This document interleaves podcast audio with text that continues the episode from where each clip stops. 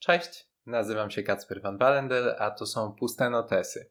Kanał o tym, czego nie nauczyliśmy się w szkole, a co może nam się przydać w codziennym życiu.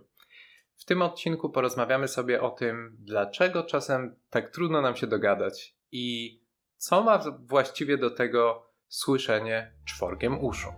Zapraszam.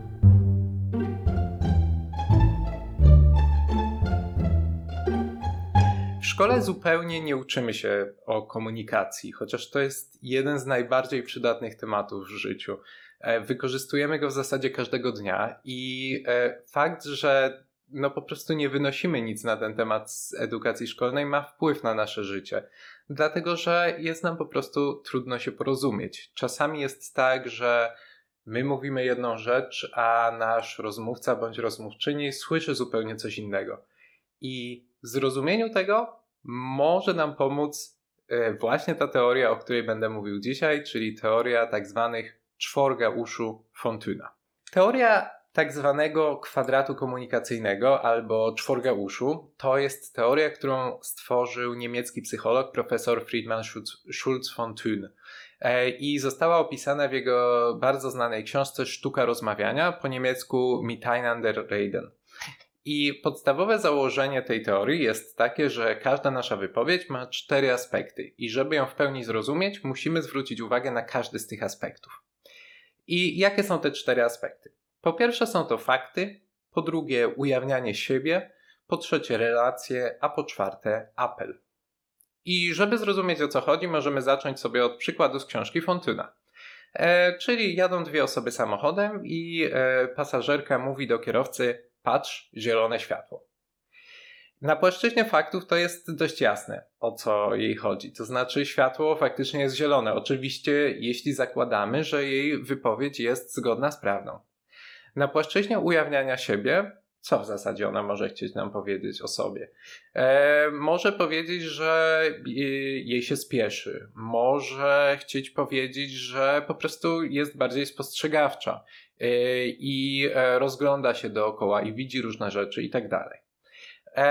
Na płaszczyźnie relacji mówi się o dwóch rzeczach. To znaczy, po pierwsze, w jaki sposób autor wypowiedzi postrzega e, odbiorcę, i po drugie, w jaki sposób widzi relacje między nimi. Czyli w tym wypadku nadawczyni wypowiedzi e, to jest pasażerka, może mówić w ten sposób. E, potrzebujesz mojej pomocy, dlatego że z nas dwojga to ja łatwiej dostrzegam takie rzeczy. Albo czuję, że mogę ci zasugerować, y, że jest zielone światło, e, bo taka jest relacja między nami. To znaczy, bardziej sobie to wyobrażamy na przykład pomiędzy dwiema osobami, które są w związku, niż gdyby e, ta pasażerka tutaj jechała z taksówkarzem, który jest zawodowym kierowcą. E, I wreszcie ostatnia część, czyli ostatnia płaszczyzna, czyli apel. Do czego pasażerka chce tutaj nakłonić kierowcę? Być może po prostu do dodania gazu, ponieważ jest zielone światło i jeżeli doda gazu, to szybciej przejadą przez skrzyżowanie. Natomiast może być też tak, że chodzi tutaj o coś innego, czyli na przykład chce żeby na przyszłość kierowca zwracał większą uwagę na sygnalizację świetlną. I można sobie zadać pytanie, oczywiście, czy warto każdą wypowiedź rozkładać w ten sposób na czynniki pierwsze. To znaczy, czy naprawdę warto się zastanawiać nad każdym z czworga aspektów. I moim zdaniem tak. A dlaczego? Dlatego, że jeżeli skupiamy się na jednym bądź dwóch aspektach wypowiedzi, a pomijamy pozostałe, to bardzo łatwo jest nam pominąć cały całokształt wypowiedzi drugiej osoby i w ten sposób doprowadzić do nieporozumienia. Nie będziemy dokładnie wiedzieli, o co drugiej osobie chodziło, e, a tak się dzieje dlatego, że po pierwsze mówimy niejako czworgiem ust, tak? Czyli każda nasza wypowiedź ma te cztery płaszczyzny, a po drugie, przede wszystkim słuchamy czworgiem uszu. Schulz von Thun mówi, że kiedy e, stajemy się adresatami jakiejś wypowiedzi, to stajemy przed wyborem, na którą płaszczyznę wypowiedzi zareagujemy. I teoretycznie on podkreśla, że to jest nasz wolny wybór, ale z drugiej strony zauważa, że często jesteśmy głusi na jedno lub więcej uszu, podczas gdy któreś ucho mamy bardziej wyczulone. I często po prostu nie zdajemy sobie sprawy z tego, że taki jest stan rzeczy. I podajmy sobie tutaj przykład. Jeżeli wrócimy do tej ostatniej sytuacji, czyli kierowca ma tutaj szczególnie wyczulone ucho rzeczowe. I e, efekt jest taki, że może po prostu na to odpowiedzieć, no rzeczywiście, zielone, tak? I jechać dalej tym samym tempem, którym jechał. Jakby odnieść się pozornie do faktów, tak naprawdę nic tutaj nie zmieniając. Ale z jakiegoś powodu ta pasażerka to powiedziała, chyba nie tylko po to, żeby stwierdzić fakty. Prawdopodobnie nie tylko po to. I w efekcie, jeżeli kierowca tutaj na przykład nie doda gazu, nie przejedzie szybciej przez skrzyżowanie, przez to nie uda im się dojechać szybciej na miejsce, mimo że, jak tutaj zakładamy w tym przykładzie, pasażerce na przykład może się spieszyć. I analogicznie y, problematyczne jest to, że skupimy się na przykład na płaszczyźnie ujawniania siebie. To znaczy, w tej sytuacji kierowca może odpowiedzieć: Na spieszysz się dokądś? I to jest e, skupienie się na tym, co jego rozmówczyni, ta pasażerka, chciała powiedzieć o sobie. I e, tutaj oczywiście zachodzi jakieś domniemanie co do tego, co ona w zasadzie o sobie chciała powiedzieć. Natomiast z kolei znów pominięte zostają takie płaszczyzny, jak chociażby apelu, czyli kierowca reaguje pytaniem na spieszysz się dokądś, E, zamiast e, odebrać ten apel, który został tam zawarty i lekko wcisnąć gaz, tak żeby zdążyli szybciej przejechać przez skrzyżowanie.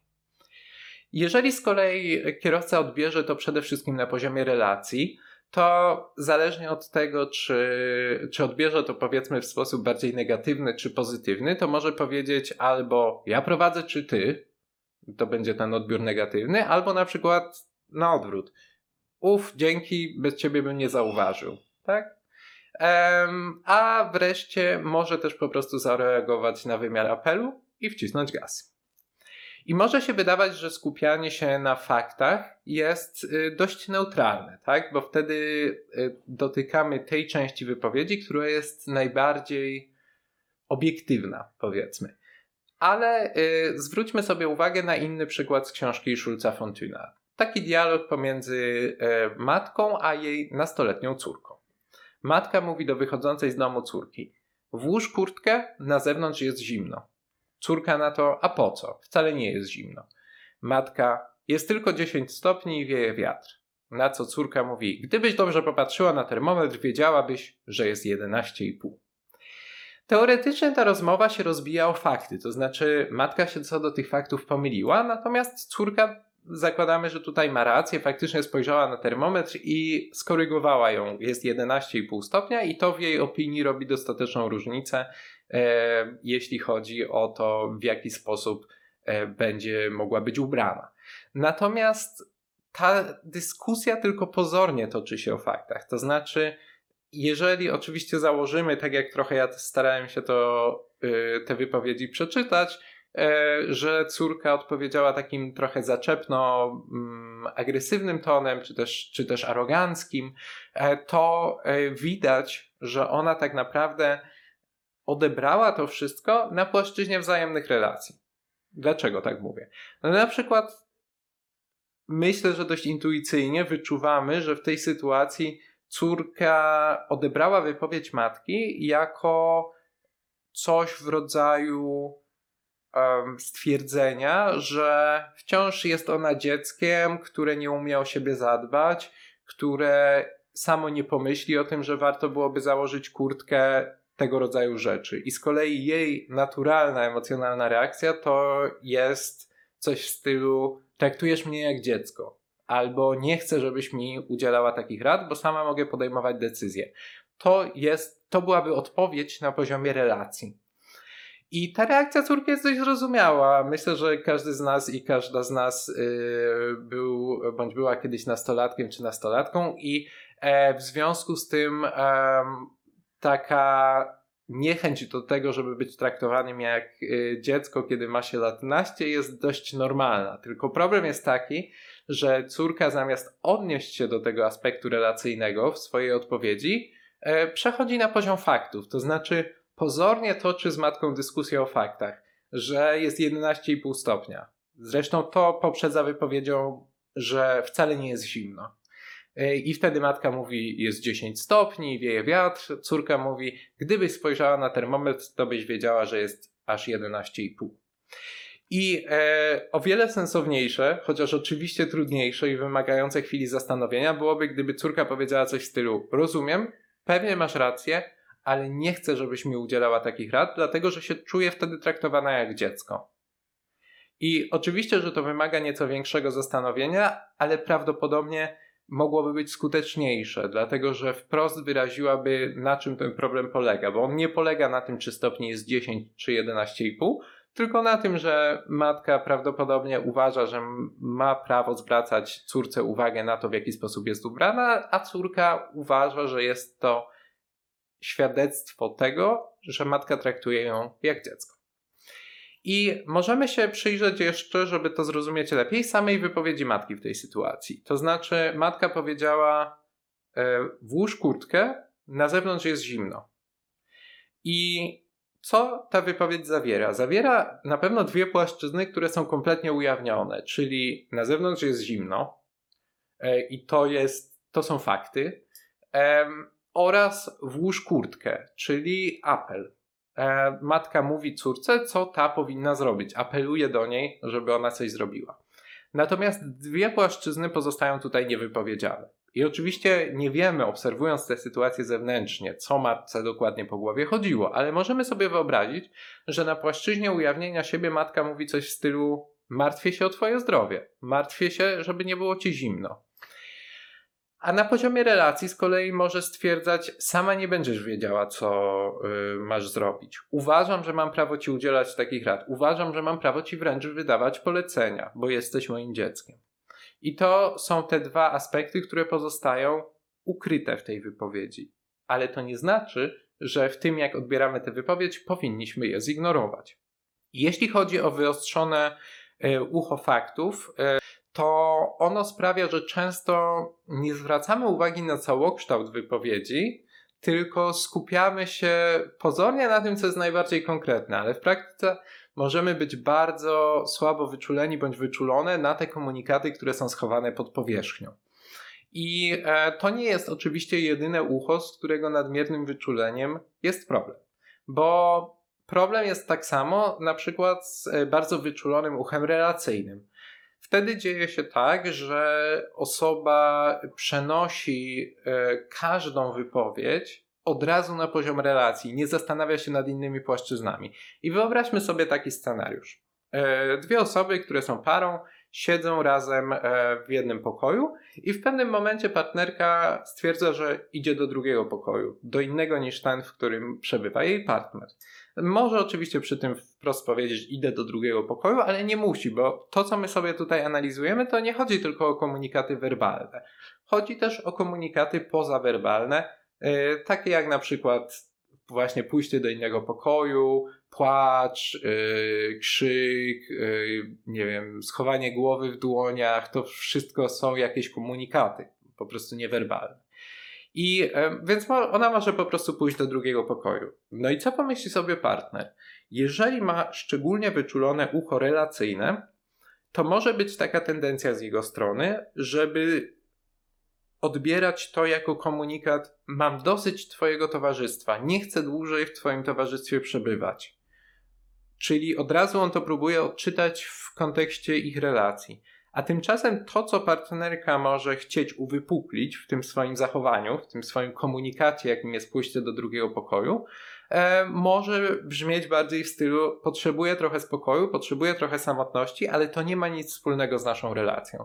I chyba rozumiemy, że to są zupełnie dwie różne rzeczy, tak? To znaczy, e, w tym drugim przypadku partnerka tutaj skupia się na płaszczyźnie ujawnienia siebie idzie do drugiego pokoju, dlatego że ona potrzebuje spokoju i samotności, a nie dlatego, że przykrzyło jej się e, siedzenie ze swoim partnerem w jednym pomieszczeniu.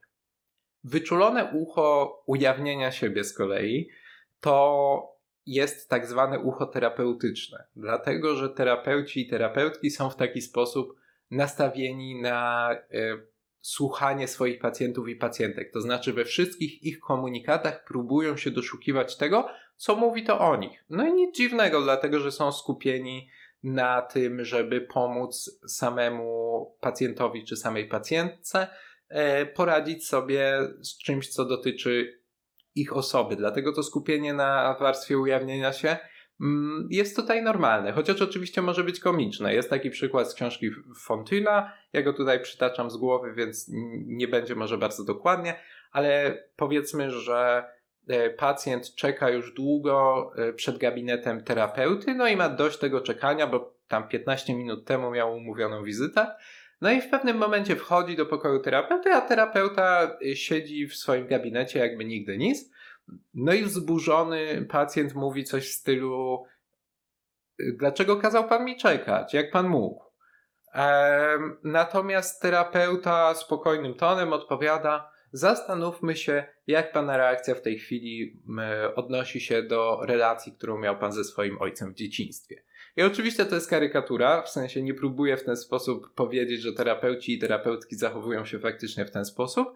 Natomiast yy, to jest yy, przykład takiego właśnie wyczulenia ucha terapeutycznego. Yy, terapeutycznego, czyli e, właśnie ucha ujawniania siebie. Jednym z wymiarów takiego y, szczególnego wykształcenia ucha, ujawnienia siebie, e, jest to, że możemy starać się y, niestety psychologizować wszystkie wypowiedzi e, innych osób. I możemy sobie wyobrazić taki dialog. Na przykład jedna osoba mówi: Moim zdaniem, bogaci powinni płacić wyższe podatki. A druga słucha uchem ujawnienia się i mówi coś w stylu: Mówisz tak dlatego, że sam nigdy nie osiągnąłeś sukcesu finansowego, albo wręcz tak jeszcze bardziej terapeutycznie. Zastanówmy się, dlaczego czujesz się źle z tym, że niektórym się w życiu powiodło. Tu jest też mnóstwo założeń na temat tej osoby, która się wypowiada, i nie wiemy, słuchając oczywiście tego jako abstrakcyjnej wypowiedzi, czy to jest prawda, czy nie. No bo w zasadzie skąd wiemy, że ktoś, kto twierdzi, że bogaci powinni płacić wyższe podatki, nie osiągnął sam w życiu sukcesu finansowego. Jest na pewno mnóstwo bogatych osób, e, które e, ze względu na osobiste przekonania uważają, że tak, bogaci, w tym oni, powinni płacić wyższe podatki. Z drugiej strony, nie wiemy też, czy faktycznie ta osoba czuje się źle z tym, że innym się w życiu powiodło na poziomie sukcesu finansowego, a jej nie. Być może to zupełnie nie ma żadnego związku. Natomiast ucho terapeutyczne e, bardzo często sprawia, że reagujemy takimi wypowiedziami, które zaczynają się od mówisz tak tylko dlatego, że. To znaczy, mówisz tak tylko dlatego, że jest coś takiego w tobie i w twojej osobistej sytuacji, co sprawia, że tak uważasz. A pomija inne wymiary tej wypowiedzi. I z kolei, e, jeżeli się dobrze zastanowimy nad tym, jeżeli jedna osoba mówi drugiej, uważam, że bogaci powinni płacić wyższe podatki, to być może tak naprawdę chcę powiedzieć, yy, chcę uwypuklić zupełnie inny poziom. Na przykład poziom relacji. Powiedzmy, czuję, że jesteśmy w takiej relacji, że mogę z Tobą otwarcie mówić o tym, jakie są moje poglądy na różne kwestie. Tak? I to też jest yy, jakiś, yy, jakiś komunikat, który z tej wypowiedzi wynika, bo pewnie nie z każdym podzielilibyśmy się naszymi przekonaniami politycznymi. E, a z drugiej strony może być poziom apelu, czyli tej osobie mogłoby chodzić o y, ukrytą wypowiedź w stylu chciałbym cię namówić do głosowania w wyborach na lewicę, bo ta proponuje bardziej progresywne podatki, czyli w efekcie bogaci będą wyżej opodatkowani. Jeżeli te płaszczyzny pomijamy, skupiamy się na płaszczyźnie ujawnienia siebie, to myślimy, że yy, tak oczywiście upraszczając, że druga osoba mówi yy, coś takiego, na przykład, że bogaci powinni płacić wyższe podatki tylko dlatego, że ma jakiś problem, powiedzmy. E, I to oczywiście jest znaczące uproszczenie. I wreszcie mamy ucho apelu, które też może być e, nadmiernie wykształcone i e, nadmiernie czułe. I myślę, że wszyscy znamy takie osoby, które jak zapytasz, czy jest jeszcze trochę kawy w dzbanku, to odpowiedzą, zaraz zrobię nową. Albo jak chodzisz i rozglądasz się po kuchni, to od razu do ciebie podejdą i powiedzą, e, czego szukasz? Szklanki? A zaraz ci dam, poczekaj. I problem z nadmiernym wyczuleniem takiego ucha jest taki, że e, takiej osobie jest trudno wczuwać się po prostu we własne emocje.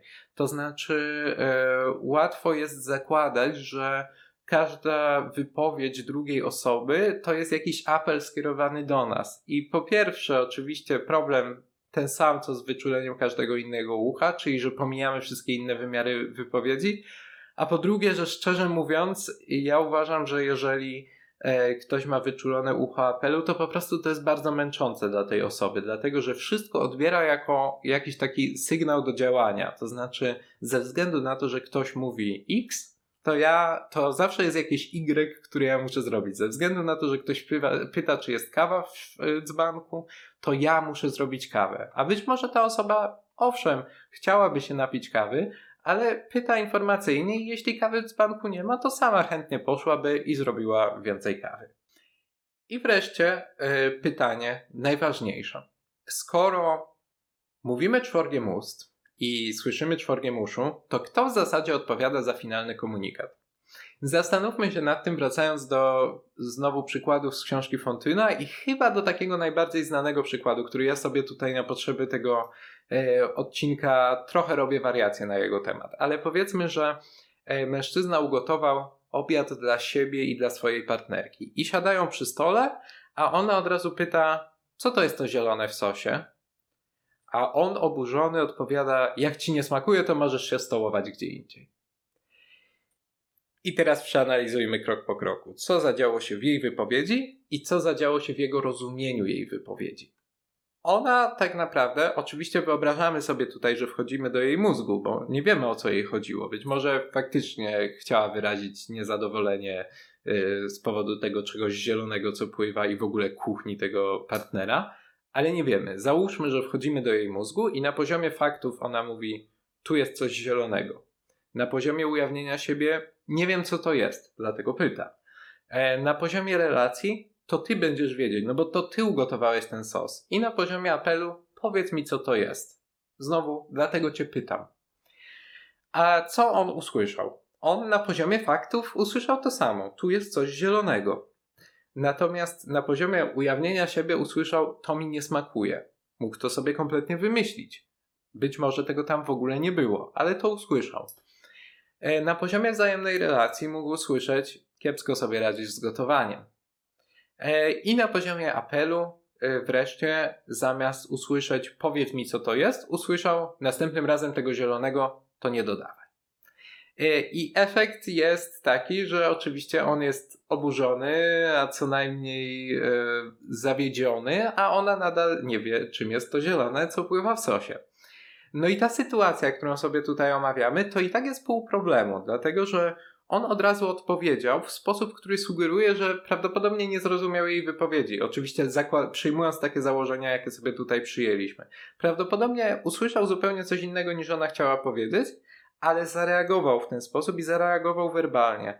I e, jeżeli mamy świadomość istnienia tych czworga ust i czworga uszu, to dość łatwo jest w tej sytuacji e, zrobić krok w tył, jeżeli jest się na miejscu tej, e, tej partnerki i powiedzieć: Słuchaj, chyba się nie zrozumieliśmy. E, jakby nie chciałam krytykować Twojej kuchni, naprawdę chciałam się dowiedzieć, co to jest to coś zielonego, co pływa w tym sosie i tylko tyle. E, I jeśli chodzi e, o to, to i tak jest lepsza sytuacja, dlatego że on od razu w pewien sposób no właśnie siebie ujawnił i odniósł się na poziomie relacji również, bo o wiele gorzej byłoby, gdyby on jej nic nie odpowiedział, albo odpowiedziałby jej to jest koperek i uciął dyskusję, a jednocześnie chowałby urazę. Jej by się wydawało, że wszystko jest w porządku, gdyby powiedział to jest koperek i tyle, Natomiast jeżeli faktycznie jego zrozumienie wypowiedzi było takie, z jakim tu mieliśmy do czynienia, no to on dalej chowałby urazę. Podsumowując, najczęściej obie strony naprawdę nadają komunikatowi takie, a nie inne znaczenie. To znaczy, jeżeli się zastanawiamy, kto ma rację, nadawca czy odbiorca, no to odpowiedź brzmi prawdopodobnie i nadawca, i odbiorca. To znaczy, nadawca faktycznie wysłał taki komunikat, a odbiorca faktycznie odebrał taki. I dlaczego tak się dzieje, że ten komunikat jest inny? No dlatego, że y, nie zastanawiamy się i nie mamy świadomości tego, które ucho jest u nas najbardziej wyczulone, które jest na przykład osłabione i z drugiej strony jako nadawcy czy nadawczynie wypowiedzi nie mamy świadomości i nie pilnujemy tego, w jaki sposób formułujemy swoje komunikaty, również mając na uwadze drugą osobę. Na koniec kilka rzeczy, które mogą e, nam wyjaśnić, skąd te rozbieżności się mogą brać i być może pomóc nam e, zastanowić się na przyszłość nad klarownością zarówno naszych wypowiedzi, jak i rozumienia tych wypowiedzi. Po pierwsze, to jest obraz własny odbiorcy. Czyli zastanówmy się znowu nad tym przykładem z e, czymś zielonym, co pływa w zupie. Jaki obraz własny miał odbiorca tego komunikatu, czyli ten mężczyzna, który ugotował swojej partnerce obiad. On może y, mieć obraz siebie jako na przykład kiepskiego kucharza i bardzo łatwo zagrało to na jego kompleksach. Ewentualnie może mieć y, obraz siebie jako kogoś, kto, komu w ogóle nie wychodzą różne rzeczy w życiu i tym razem nie wyszło mu zrobienie y, smacznego i atrakcyjnego dla y, tej partnerki obiadu. Z drugiej strony może być to obraz nadawcy w oczach odbiorcy, czyli co odbiorca myśli sobie o nadawcy. I w tym wypadku, co odbiorca myślał o nadawczyni komunikatu. No, mógł o niej na przykład myśleć, że ma bardzo wyrafinowany gust kulinarny i że w związku z tym ugotowana przez yy, niego potrawa nie jest w stanie zaspokoić jej yy, wygórowanych oczekiwań. Z drugiej strony mógł w sobie myśleć, że ta osoba nie jest już y, zadowolona ze stanu ich związku i że w ogóle wiele rzeczy nie gra i że tak naprawdę tutaj wcale y, nie o ten sos chodziło, tylko o ogólny stan ich relacji w tej chwili. E, I wreszcie y, bardzo częstym e, zjawiskiem z tego, co e, właśnie pisze Fontune, jest tak zwane zjawisko informacji scalonych. I o co tutaj chodzi?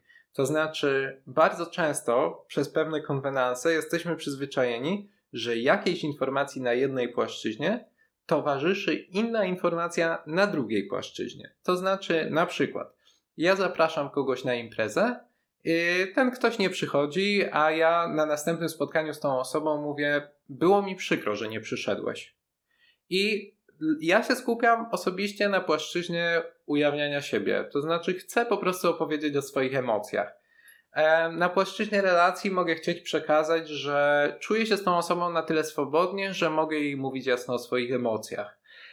Natomiast y, druga osoba może z przyzwyczajenia trochę, przyzwyczajenia do tego, jak wyglądają takie komunikaty i o co w nich często chodzi, pomyśleć, że ja odnoszę się do relacji i że na przykład chcę powiedzieć, jestem zawiedziony Twoim zachowaniem, albo liczyłem na to, że wyżej cenisz naszą przyjaźń. A być może o coś takiego w ogóle mi w tej wypowiedzi nie chodziło. To wszystko na dziś. E, wielkie dzięki za uwagę i za to, że e, oglądacie film na kanale Puste Notesy. Jeżeli jesteście zainteresowani innymi podobnymi materiałami, zachęcam do zasubskrybowania i do regularnego śledzenia e, tego kanału. Cześć, dzięki i miłego dnia.